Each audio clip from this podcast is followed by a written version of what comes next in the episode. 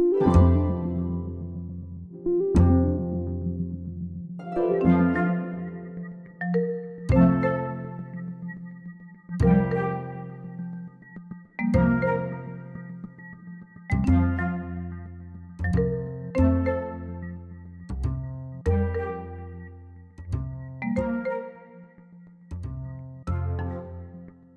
pensionssystem, är det förutsägbart, begripligt och tillräckligt? Och framförallt kanske, vart är det på väg? Innan vi släpper fram vår namnkunniga panel här idag så vill jag släppa fram vår VD Kristina Lindenius på scen. Välkommen upp Kristina. Tack så hjärtligt Eva. Och vad roligt att se alla här, framtida pensionärer och kanske några pensionärer, men helt säkert ser jag när jag tittar ut över lokalen rejält pensionsintresserade personer. Hörrni, eh, jag ska kicka igång eh, med några punkter för att värma upp panelen och stötta Eva som moderator en del. Eh, låt oss börja med att konstatera att det har hänt en del i vårt pensionssystem under de senaste åren. Vi har till exempel sett att två av de viktiga principerna, livsinkomstprincipen och att eh, pensionssystemet ska vara fristående från budget, ja, det har börjat urholkas en del. Eh, och eh, ja, hörni, då bör man ju ställa sig frågan från att ha haft ett förutsägbart, stabilt och någorlunda begripligt system. Vad har vi nu? Är det dess motsats vi håller på att utveckla? Ja, helt enkelt, vart är pensionssystemet på väg? Det här är en bild som vi har lånat från Pensionsmyndigheten. Och I den vill jag illustrera två huvudpoänger. Det ena är, och det här rör den allmänna pensionen. Det ena är att det finns sju olika förmåner i det allmänna pensionssystemet. Och fem av dem finansieras via statsbudgeten, pensionstillägget. Så ni ser, de här principerna börjar urholkas. Dessutom kan man ju fråga sig, är det begripligt längre eller börjar det vara svårbegripligt och för oss som jobbar med pensioner svårförklarligt? Och är det längre förutsägbart eller oförutsägbart? Och framför allt kanske, stimulerar det till att jobba för att få en högre pension? En annan fråga som jag hoppas kommer upp nu. Jag fick veta att jag skulle vara tålmodig. Nu är jag väldigt tålmodig när jag trycker. Jag går tillbaka. Nu ska den komma upp på skärmen. Gör den det? Det är ett så fint diagram med många prickar. Va? Vad är det för komplicerat?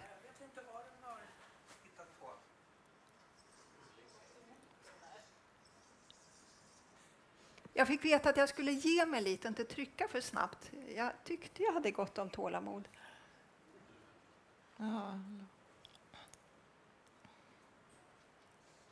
Jag kan börja prata om bilden som kommer upp. Det är en bild som baseras... Du tror att det funkar nu? Och så trycker jag en gång till. Och så håller vi andan.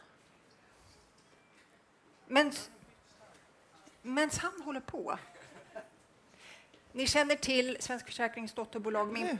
Ah! Var det ljus eller var det prickar? För det är prickar i det här diagrammet. Och det här diagrammet har vi tagit fram på basis av information som finns i vårt dotterbolag Min pension. Alla känner till Min pension. 4,8 miljoner människor har ett privat pensionssparande. Och varför är det en sån här svärm? Jo, det är ju vi har ett inkomstgrundat pensionssystem med livsinkomstprincip. Det ser olika ut beroende på hur mycket du har jobbat, om du har jobbat deltid eller inte, när du började jobba. Så det kommer bli olika utfall i det här systemet. Så är det. Och beroende på hur du har placerat dina pengar förstås. Så att säga att alla är fattigpensionärer, så är det absolut inte. Det finns de i de nedre eh, inkomstgrupperna som får en pension som är långt högre än den månadslön de hade, till exempel. Jag nämnde att i prickbilden som vi till slut ändå fick upp eh, så var tjänstepensioner med. Och tjänstepensioner måste man ju absolut prata om när man pratar om pensioner, förstås. Och ofta brukar jag visa bilder som visar hur stor andel av pensionen som kommer för tjänstepension, ungefär för en genomsnittsindivid. Men här tänkte jag illustrera det på ett annat sätt, nämligen att visa hur mycket betalas in till våra pensionslösningar. Och det är ju så då att premie till tjänstepension som betalas in, det här var 2022, uppgår till i princip 200 miljarder. Och det är lika mycket som den ålderspensionsavgift som betalas in i det allmänna pensionssystemet. Så totalt 400 miljarder kronor varje år. Eh, och om vi då drar oss till minnes, vad har hänt under de senare åren? Ja, arbetsmarknadernas parter har bestämt sig för att... Anna Tenje, äldre och socialförsäkringsminister. Sen har vi Fredrik Lund Sammeli. Välkomna upp, ni kan börja gå upp. Vi har Martina Johansson, Centerpartiet, riksdagsledamot och representant i Pensionsgruppen. Göran Arius och Mattias Dahl. Göran Arius, ordförande för Saco förstås, och Mattias Dahl, vice vd på Svenskt Näringsliv. Ja, vad säger ni? Är dagens pensionssystem eh, begripligt och förutsägbart idag? Vad säger du, Anna, om du får börja? Jag tror att det finns en ganska god eh, förbättringspotential. Mm. Eh, har man lappat och lagat, lagt till och precis så som ni var inne på redogjorde för, när vi har börjat urholka princip efter princip, då är det klart att eh, då blir det inte längre vare sig förutsägbart eftersom man då kan göra det. Eh, och sen blir det ju inte heller då kanske begripligt i samma, eh, samma grad som det har varit tidigare. Det är klart att det tror jag är också det vi ser avspegla sig i förtroendet för Pensionsmyndigheten eller för pensionssystemet som sådant också. Mm. Eller för politiken som sysslar med pensionsfrågorna. Ja. Vad säger ni andra? Martina? Nej, men helt förutsägbart är det inte. Och, och eh, vi, vi, har ett jobb att göra för att någonstans också säga vad är det, vad är det vi vill uppnå och vad är det för pensionsnivåer vi vill ha? Vad är en låg pension och vad är en hög pension? För att om vi inte kan sätta det så är det svårt sen att vad är det för åtgärder vi behöver göra då? Mm. Fredrik? För många är det begripligt, för andra är det grekiska. Eh, jag tänker att... Eh... förstår varför det blir på det här sättet? Nej, det skulle jag nog påstå att det är fortfarande ganska svårt. Men sen kan ju inte allting bli hur enkelt som helst heller. Det tror jag man får ha respekt för. att Det här är ju lite komplicerat trots allt. Ja. Mattias? Pensionsfrågan eh, är en fråga som vi vet sedan lång, lång tid tillbaka är svår att förstå och tränga igenom för de flesta människor. Vi har gjort hur många undersökningar som helst, arbetsmarknadens parter, mm försäkrings och pensionsbranschen, politiken. Det är lite konstigt eftersom det handlar om pengar och det brukar typiskt sett intressera människor väldigt mycket. Men det finns någon annan komponent, att det är långsiktigt, att det är någonting som gör det är svårt att ta till sig. Um, Trots det så är det förhållandevis lättbegripligt, inte minst genom min pensionsförsorg, mm. där man kan gå in och se sina saker. Så att, ja, det beror på vilken skala man använder. Att det kan bli bättre, svar ja. ja. Så viss förbättringspotential, eller ganska mycket i vissa fall kan man konstatera. Ett bärande moment tidigare har ju varit Pensionsgruppen som har stått för den politiska stabiliteten och där ju förhandlingar som många av oss vet har skett inom Pensionsgruppen och så under senare år har det glidit lite utanför och hamnat i statsbudgeten och så där. Och då vill jag förstås fråga Anna igen, du får också första frågan. Finns det idag en pensionsgrupp? Det är ju en... Eh, nej, ja, men det gör det. Det gör det. Det ja. finns en pensionsgrupp. Och eh, vi ser verkligen fram, jag ser verkligen fram emot att börja jobba eh, ordentligt med pensionsgruppen. Sen har vi haft en diskussion kring vilka det är som ingår i pensionsgruppen eh, och, vilka, och hur vi har jobbat hittills. Det har jag kanske inte varit med om. Men det är klart att det har varit en unison, alltså vi har varit väldigt, haft en gemensam linje i att samarbetet i pensionsgruppen har inte fungerat optimalt. Eh, och att eh, arbetet kring pensionerna har sett bättre dagar. Men med det sagt vill jag bara konstatera också att pensionssystemet som sådant, pensionsgruppen som sådan, har ju tjänat Sverige och ta ansvar för länge, eh, på längre sikt och börja bygga det här starkt och stabilt förvisso kanske skruva lite i systemet, mm. förbättra där det behövs och så vidare. Eh, men sammantaget ta ett större ansvar tillsammans och försöka förbättra samarbetet. Mm. Och då tycker jag ju att det är naturligt att då behöver frågan gå igen till samtliga partier. Sverigedemokraterna har ju då aldrig fått frågan, inte heller Miljöpartiet, om de vill eller ska ingå i pensionsgruppen. Och likaledes då Vänsterpartiet valde att avstå, men de kan ju få frågan igen. Mm. Men då måste man ju skriva under på de grundläggande viktiga principer som vi har varit inne på och redogjort för. Och även då tillsammans vara vilja ta ansvar på riktigt. Inte bara sitta med och sen motarbeta, mm. utan på riktigt ta ansvar och bygga pensionerna starka på lång sikt. Ja. Och då, om vi tänker att alla partier skulle skriva under på det här, då, riksdagspartier, då har vi åtta, åtta partier i pensionsgruppen jämfört med fem tidigare. Mm. Vad tror ni andra om möjligheten att komma överens i en sån gruppering? Jag börjar med Martina som log så glatt här. Nej, men alltså det har varit, eh, under de åren jag har fått förmånen att vara i pensionsgruppen så har det inte varit superenkelt alla gånger att komma överens Nej. när vi var sex i början när Miljöpartiet var med och sen var vi fem. Mm. Eh, så det är klart att det kommer ju inte vara enkelt om vi är fler. Men någonstans så det som vi just nu har på bordet och diskuterat är att vi behöver landa några saker till och faktiskt ställa den här frågan. Det är ju någonstans för att ta ansvaret för helheten. För någon, mina barn som nyss har blivit vuxna och tar sig ut i arbetslivet, de måste också ha en pension. Och då tror jag ju att vi måste ha ett stabilt system. Och då förutsätter det att vi kan ha blocköverskridande överenskommelser som håller och inte att vi får ett nytt. Det är tufft. Det tog två och ett halvt år att förhandla fram den överenskommelsen 17 som nu formar en del av de stora reformerna. Åtta partier eh, med konsensus finns ju risken att vi inte kommer någon vart. Mm. Eh, vi har olika syn på vikten av att eh, förändra pensionsgruppen, men för regeringen är det viktigt och vi har varit tydliga med att eh, vi tänker inte som parti eh, stoppa den delen. Det är ett enormt stort ansvar på regeringen att säga att här ska alla in i detta arbete, eh, för det behöver ju fortfarande vara någonting som håller över tid. Och det där unika, det är nog svårt att teckna ner på papper. Det här är en 30-årig diskussionsklubb som eh, har varit olika ledamöter som kommer och går. Och det är en diskussion och vid något ögonblick så kommer vi överens om någonting som vi kan genomföra. Och andra diskussioner lever för evigt. Och det där, eh, ja. Mm. Vi, ja, det är det verkligen. Och om jag hoppar till arbetsmarknadens parter, Svenskt Näringsliv, Mattias här och Göran det är, tjänstepension är ett viktigt komplement till det allmänna pensionssystemet, men det spelar också roll för skattetrycket i samhället och tillväxten. Hur ser ni på pensionsgruppens... Liksom, är, är det en viktig komponent i ett uh, pensionssystem? Vad säger du, Göran? Ja, jag, jag, tycker det är viktigt. Jag har en knapp här. Det står I love slow politics. Det här är en sån fråga. Hette det I slow politics? jag fattar inte. Jag tänkte att det där är ingen bra slogan. okay. Jag tror att det här är just en sån fråga som måste få ta tid. Och jag tror att det är, och den ska få ta tid, den politiska hanteringen. Som är politiskt möjligt för oss, vad vi kan bära. Och sen har vi frågor kvar att hantera. Mm. Men vi måste ta ansvar för att lösa det. Så att, jättebra om alla kan stå bakom det. Kommer alla göra det? Inte upp till mig att bedöma. Det låter mm. svårt. Men det viktigaste är att det finns en bred politisk överenskommelse om bra saker. Mm. Kristina? Mm. Jag hoppas att vi kan återgå till en väl fungerande pensionsgrupp. Och jag tycker det ligger ett stort ansvar på politiken att åstadkomma det. Mm. Vi var inne på din första fråga, eh, detta med pensioner och pensionssystem, mm. är det svårt och begripligt?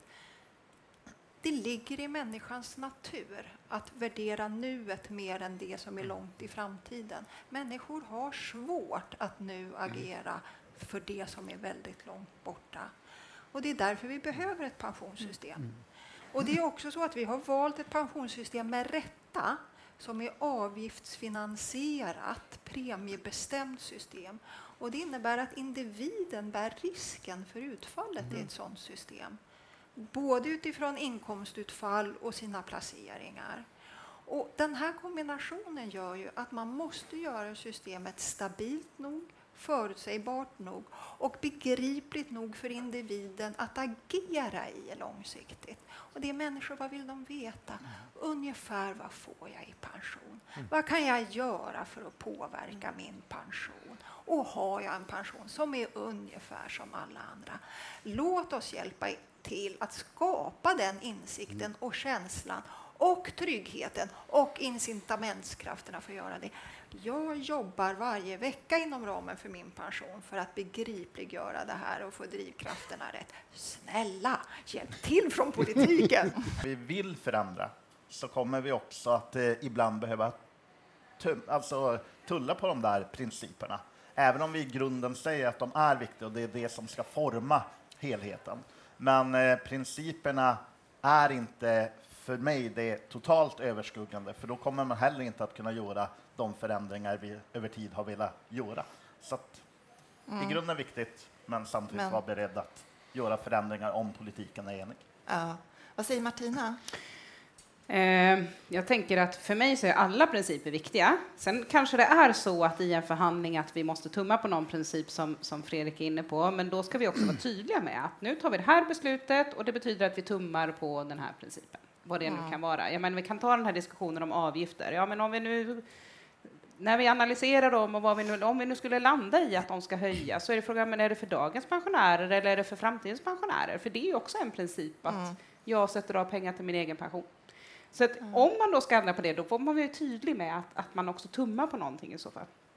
Eh, och sen är ju också frågan, liksom, vad är skälet? Om vi, jag tolkar Fredrik som att du pratar om att eh, ojämställda pensioner till exempel, att man behöver göra en korrigering där. Och då får vi också bestämma oss för hur länge ska vi kompensera för en ojämställd arbetsmarknad eller val som vi baserar på värderingar utifrån hur vi ser på olika roller i familjen. Eh, och det är väl också en sån så här, hur länge ska vi kompensera för det då? Eller ska vi bestämma oss för att nej, men nu är det faktiskt så här att det är ett rent individuellt pensionssystem, punkt.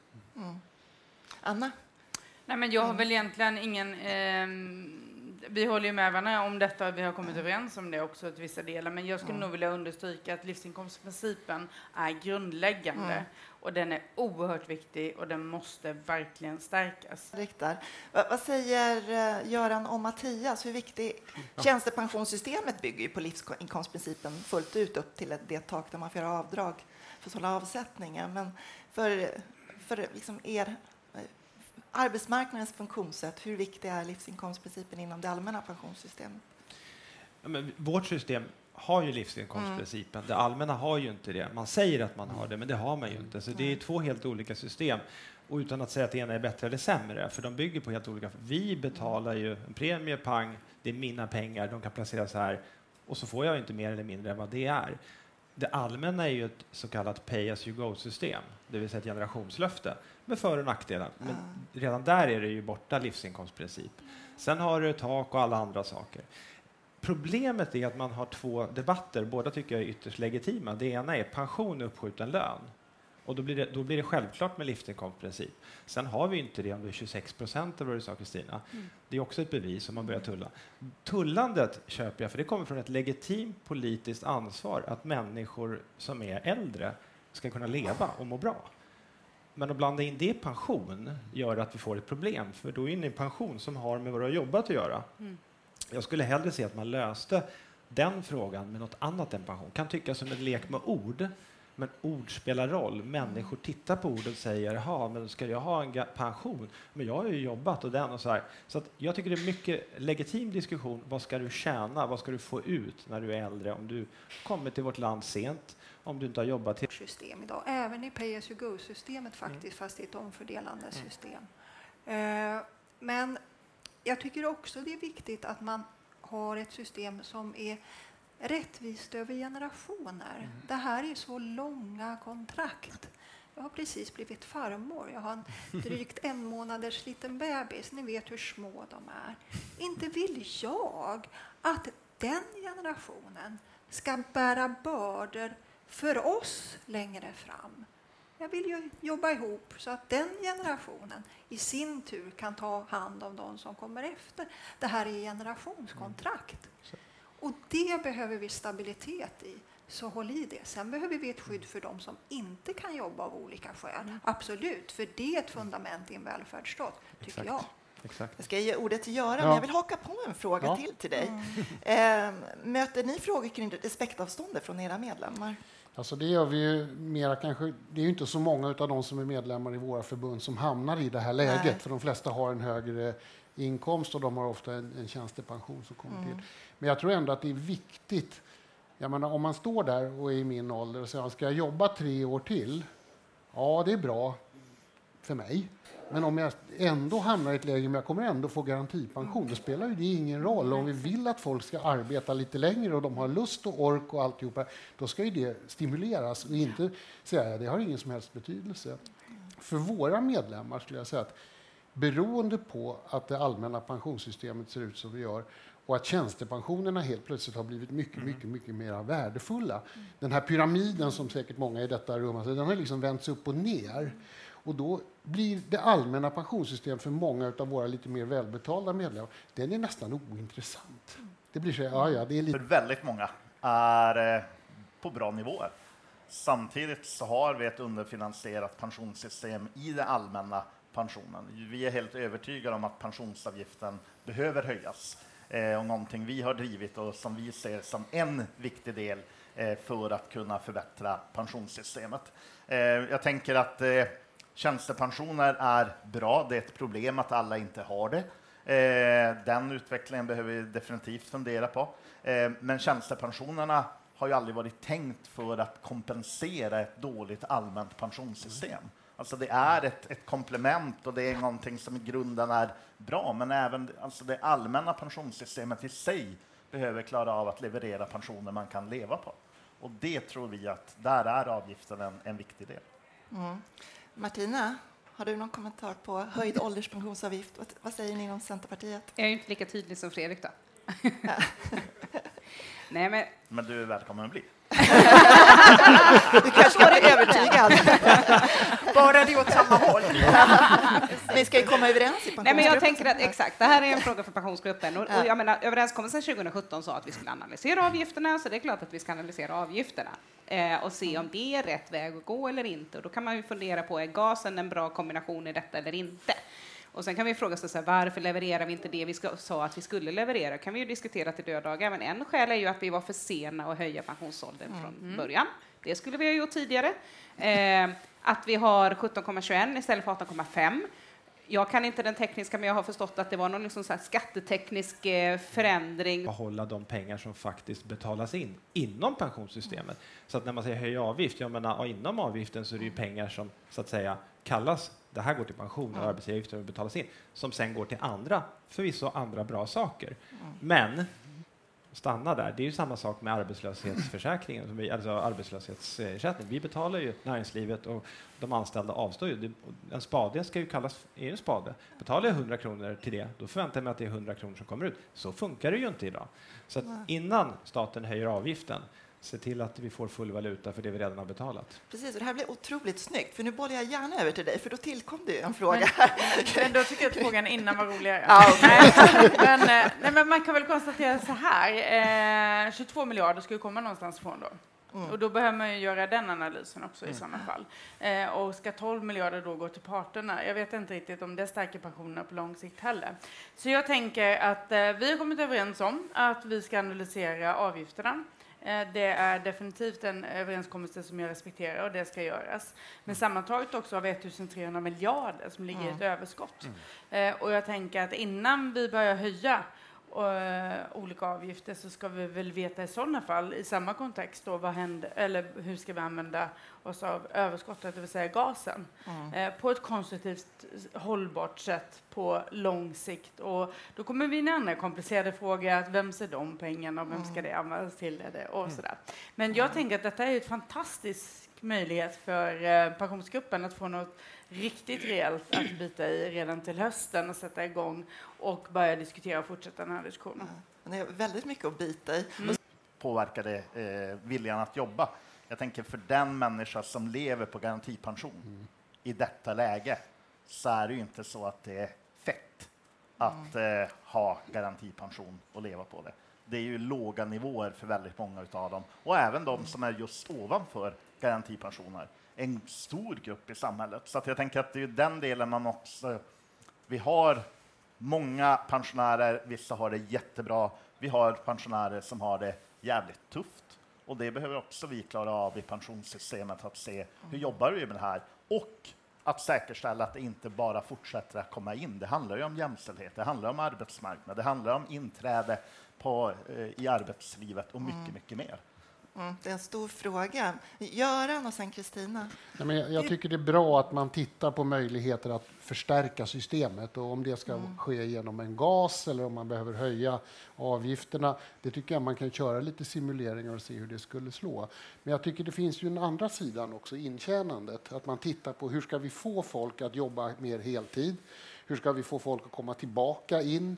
Hur ska vi se till att det blir ett schysst jämnt uttag av föräldraledighet? Alla de här sakerna som faktiskt påverkar och gör att till exempel kvinnor i mycket högre utsträckning får en låg pension än män. Det här är grejer som jag tycker också att man bör ta med sig in i den här diskussionen, för det är ju ändå det som är det mest avgörande. Vilka val gör man? Vilket stöd får man när det går dåligt för en i livet? Och det tror jag man bör ta med in i det här också. För det vore ju en lyckligare utkomst om vi kunde få folk att arbeta mer och tjäna mer och i så fall få en bättre pension. Mm. Kristina och sen Anna. Jag var inne på delvis samma spår som Göran. Det är ju så härligt med pensionsfrågor för de är så friskt system. Eh, och det innebär att individen får inte så mycket eget utrymme, särskilt för de som har det knappt, och fundera över vill jag lägga till lite mer själv? Och man skapar då för en del grupper ett sparande som de kanske inte behöver. Och så fråntar man möjligheten för en del personer att kanske lite mer engagera sig. Kan jag avstå någonting av egen kraft, lära mig av det och få min situation bättre som pensionär? Så jag tycker att man ska, man ska bära med sig det perspektivet också bland många i alla de här analytiska rapporterna ni kommer skriva, svåra besluten ni ska ta. Mm vi se, Anna. No, nej, men jag var inne lite på um, både och, liksom, men det här med, med Görans inlägg om eh, medvetna val, men framförallt hur vi kan få fler att jobba mer, för det är ju det som är grunden som, som gynnar. Men just medvetna val eh, och även då faktiskt framgångssagan när det gäller min pension, det måste vi väl gärna konstatera. Vad sa vi, 30 000 prognoser om året och 4,8 miljoner. Det är givetvis att detta kan ju bli mer och detta kan ju växa. Men det är ju ett väldigt viktigt verktyg och ett väldigt viktigt medel för att öka medvetandegraden. Men sedan behöver ju våra myndigheter, eh, men också inom i den politiska diskursen, behöver du diskutera mer om vad de olika valen får för konsekvenser. Sen gör man var och en i sin familj, kanske då mer eller mindre medvetna val, men man ska ju, eller man gör sina val på olika grunder, men de ska åtminstone vara medvetna. Mm. Så att det får ju väldigt stora konsekvenser, inte minst om man jobbar deltid under längre tid och skillnad då om man kan gå upp och jobba heltid. Men framförallt också aktivt en fråga som jag vill ta tag i. Ja. För detta är djupt skadligt. Och ser man nu till den stora kompetensbristen som vi har inom så många yrken. Och hur många det är då som väljer att gå i pension, kicka igång tjänstepensionen och sen då så tänker man det här var ju kanske inte riktigt Nej. så bra. Eller tänk vilket erbjudande jag fick nu. Men så går man då inte tillbaka och flexibiliteten blir inte så stor. Här tror jag vi kan vinna otroligt En mycket. lågt hängande frukt. Ja, verkligen. På Elisabeth bara, Ja. Svantesson. Finansdepartementet, kom Nej, igen. men hon är Det här, enkel. det här tar jag. har märkt under flera, flera år. Ja, nej, nu är det det- dags bara. Mattias. Eh, två, två saker. Jag tänker börja med gas och broms. Ja. Det är för mig i alla fall en lite logisk kullerbytta om man har livsinkomstprincip. Då ska det ju egentligen bli vad det blir. Vadå gas och broms? Vi har ju inget sånt i tjänstepensionssystemet, utan det blir vad det blir. Men eh, det är ju så att de här valen vi gör och de förutsättningar vi får i livet, det är ju det som avgör pensionen. Idag så skriker näringslivet efter folk. Vi kan inte tillsätta tjänster. Det står tomt. Kommuner, regioner, sak samma. Det är ett av de stora liksom, orden här i Almedalen. Mm. Kompetensbrist kallas det ju för. Det är ju ett samlingsnamn. Det finns massa jobb. Det finns möjligheter. Så vad som är mycket viktigare än livsinkomstprincipen, det är ju arbetslinjen. Och där uppfattar jag ju att samtliga partier är, är ju för det. Det finns ju inget parti som räcker upp handen och säger vi vill inte att folk ska jobba. Det är ju en mycket viktigare fråga, för som Fredrik säger, de här människorna som inte hamnar eh, liksom i heltid och som får rätt för de får ju sen en sämre pension. Och det är då måste vi gå till källan för att minska problemet där framme. Sen kommer vi alltid i alla samhällen ha människor som hamnar i pensionsålder och inte har tillräckligt att leva på. Då får man hantera det. Men den gruppen ska ju vara så lite som möjligt. Mm. Är det ett matchningsproblem eller är det mycket större Det är ett annat seminarium. Mycket av det som påverkar pension, det behöver ju hanteras i alla andra politiska områden. Men det blir lätt att man tittar på pensionssystemet och tänker det här ska kompensera allt. Det kommer den inte att kunna göra. Nej. De kanske inte ska göra. Martina? Precis, Nej, ska. jag, jag tänkte jag vill bara kommentera några mm. så här, låg pension, tillbaka till det igen. Vad är en låg pension Ja. då? Alltså vi har idag är det 12 procent av pensionärskollektivet som är relativt fattig. För ett par år sedan var det 15 procent som var relativt fattig. Och då är frågan, är det relativt fattig som är måttet eller inte? Och du, ehm, Staffan var det som sa det i inledningen, nej Mattias, förlåt, eh, som sa, sa i början så här att så här mycket kommer du att få om du är ny i Sverige eller så vidare. Och det tänker jag, så så det är en jättesvår fråga, men jag skulle vilja anta den utmaningen och hoppas att fler vill göra det. För vi behöver, det är ju det här vi behöver landa i. Vad är, liksom, vad är, vad är det för löften vi ger? Exakt. För, för det då blir det också tydligare för den så här, ja, men okej, om jag inte jobbar, Ja. inte lönearbetar ska jag säga, så kommer det här bli resultatet. Om jag lönearbetar så kommer det här att hända. Och där tror jag att vi har en del att göra för att få tydligheten. Och så vill jag bara säga, jag som också jobbar med familjerätt, jag vill också bara kasta in det här som du kan ta med din kollega Gunnar Strömmer. Att om man är ogift så får inte pappan automatiskt vårdnad till barnen. Och det sätter ju också en bild på att mammorna är uppenbarligen enligt svensk lag mer kapabla att vara vårdnadshavare än ogifta pappor. Ehm, som också påverkar våra val i nästa steg. Så, så att det vill jag bara skicka med. Det känns som att du har tagit den bollen med Gunnar. Det? Ja, men Ja. eh, inte du. Du Nej, kanske du kan komma längre än vad jag gör. Jag Tiden har närmat sig sitt slut. Stort tack till panelen och till Kristina för jätteintressanta inlägg. Vi kunde ha hållit på mycket längre till.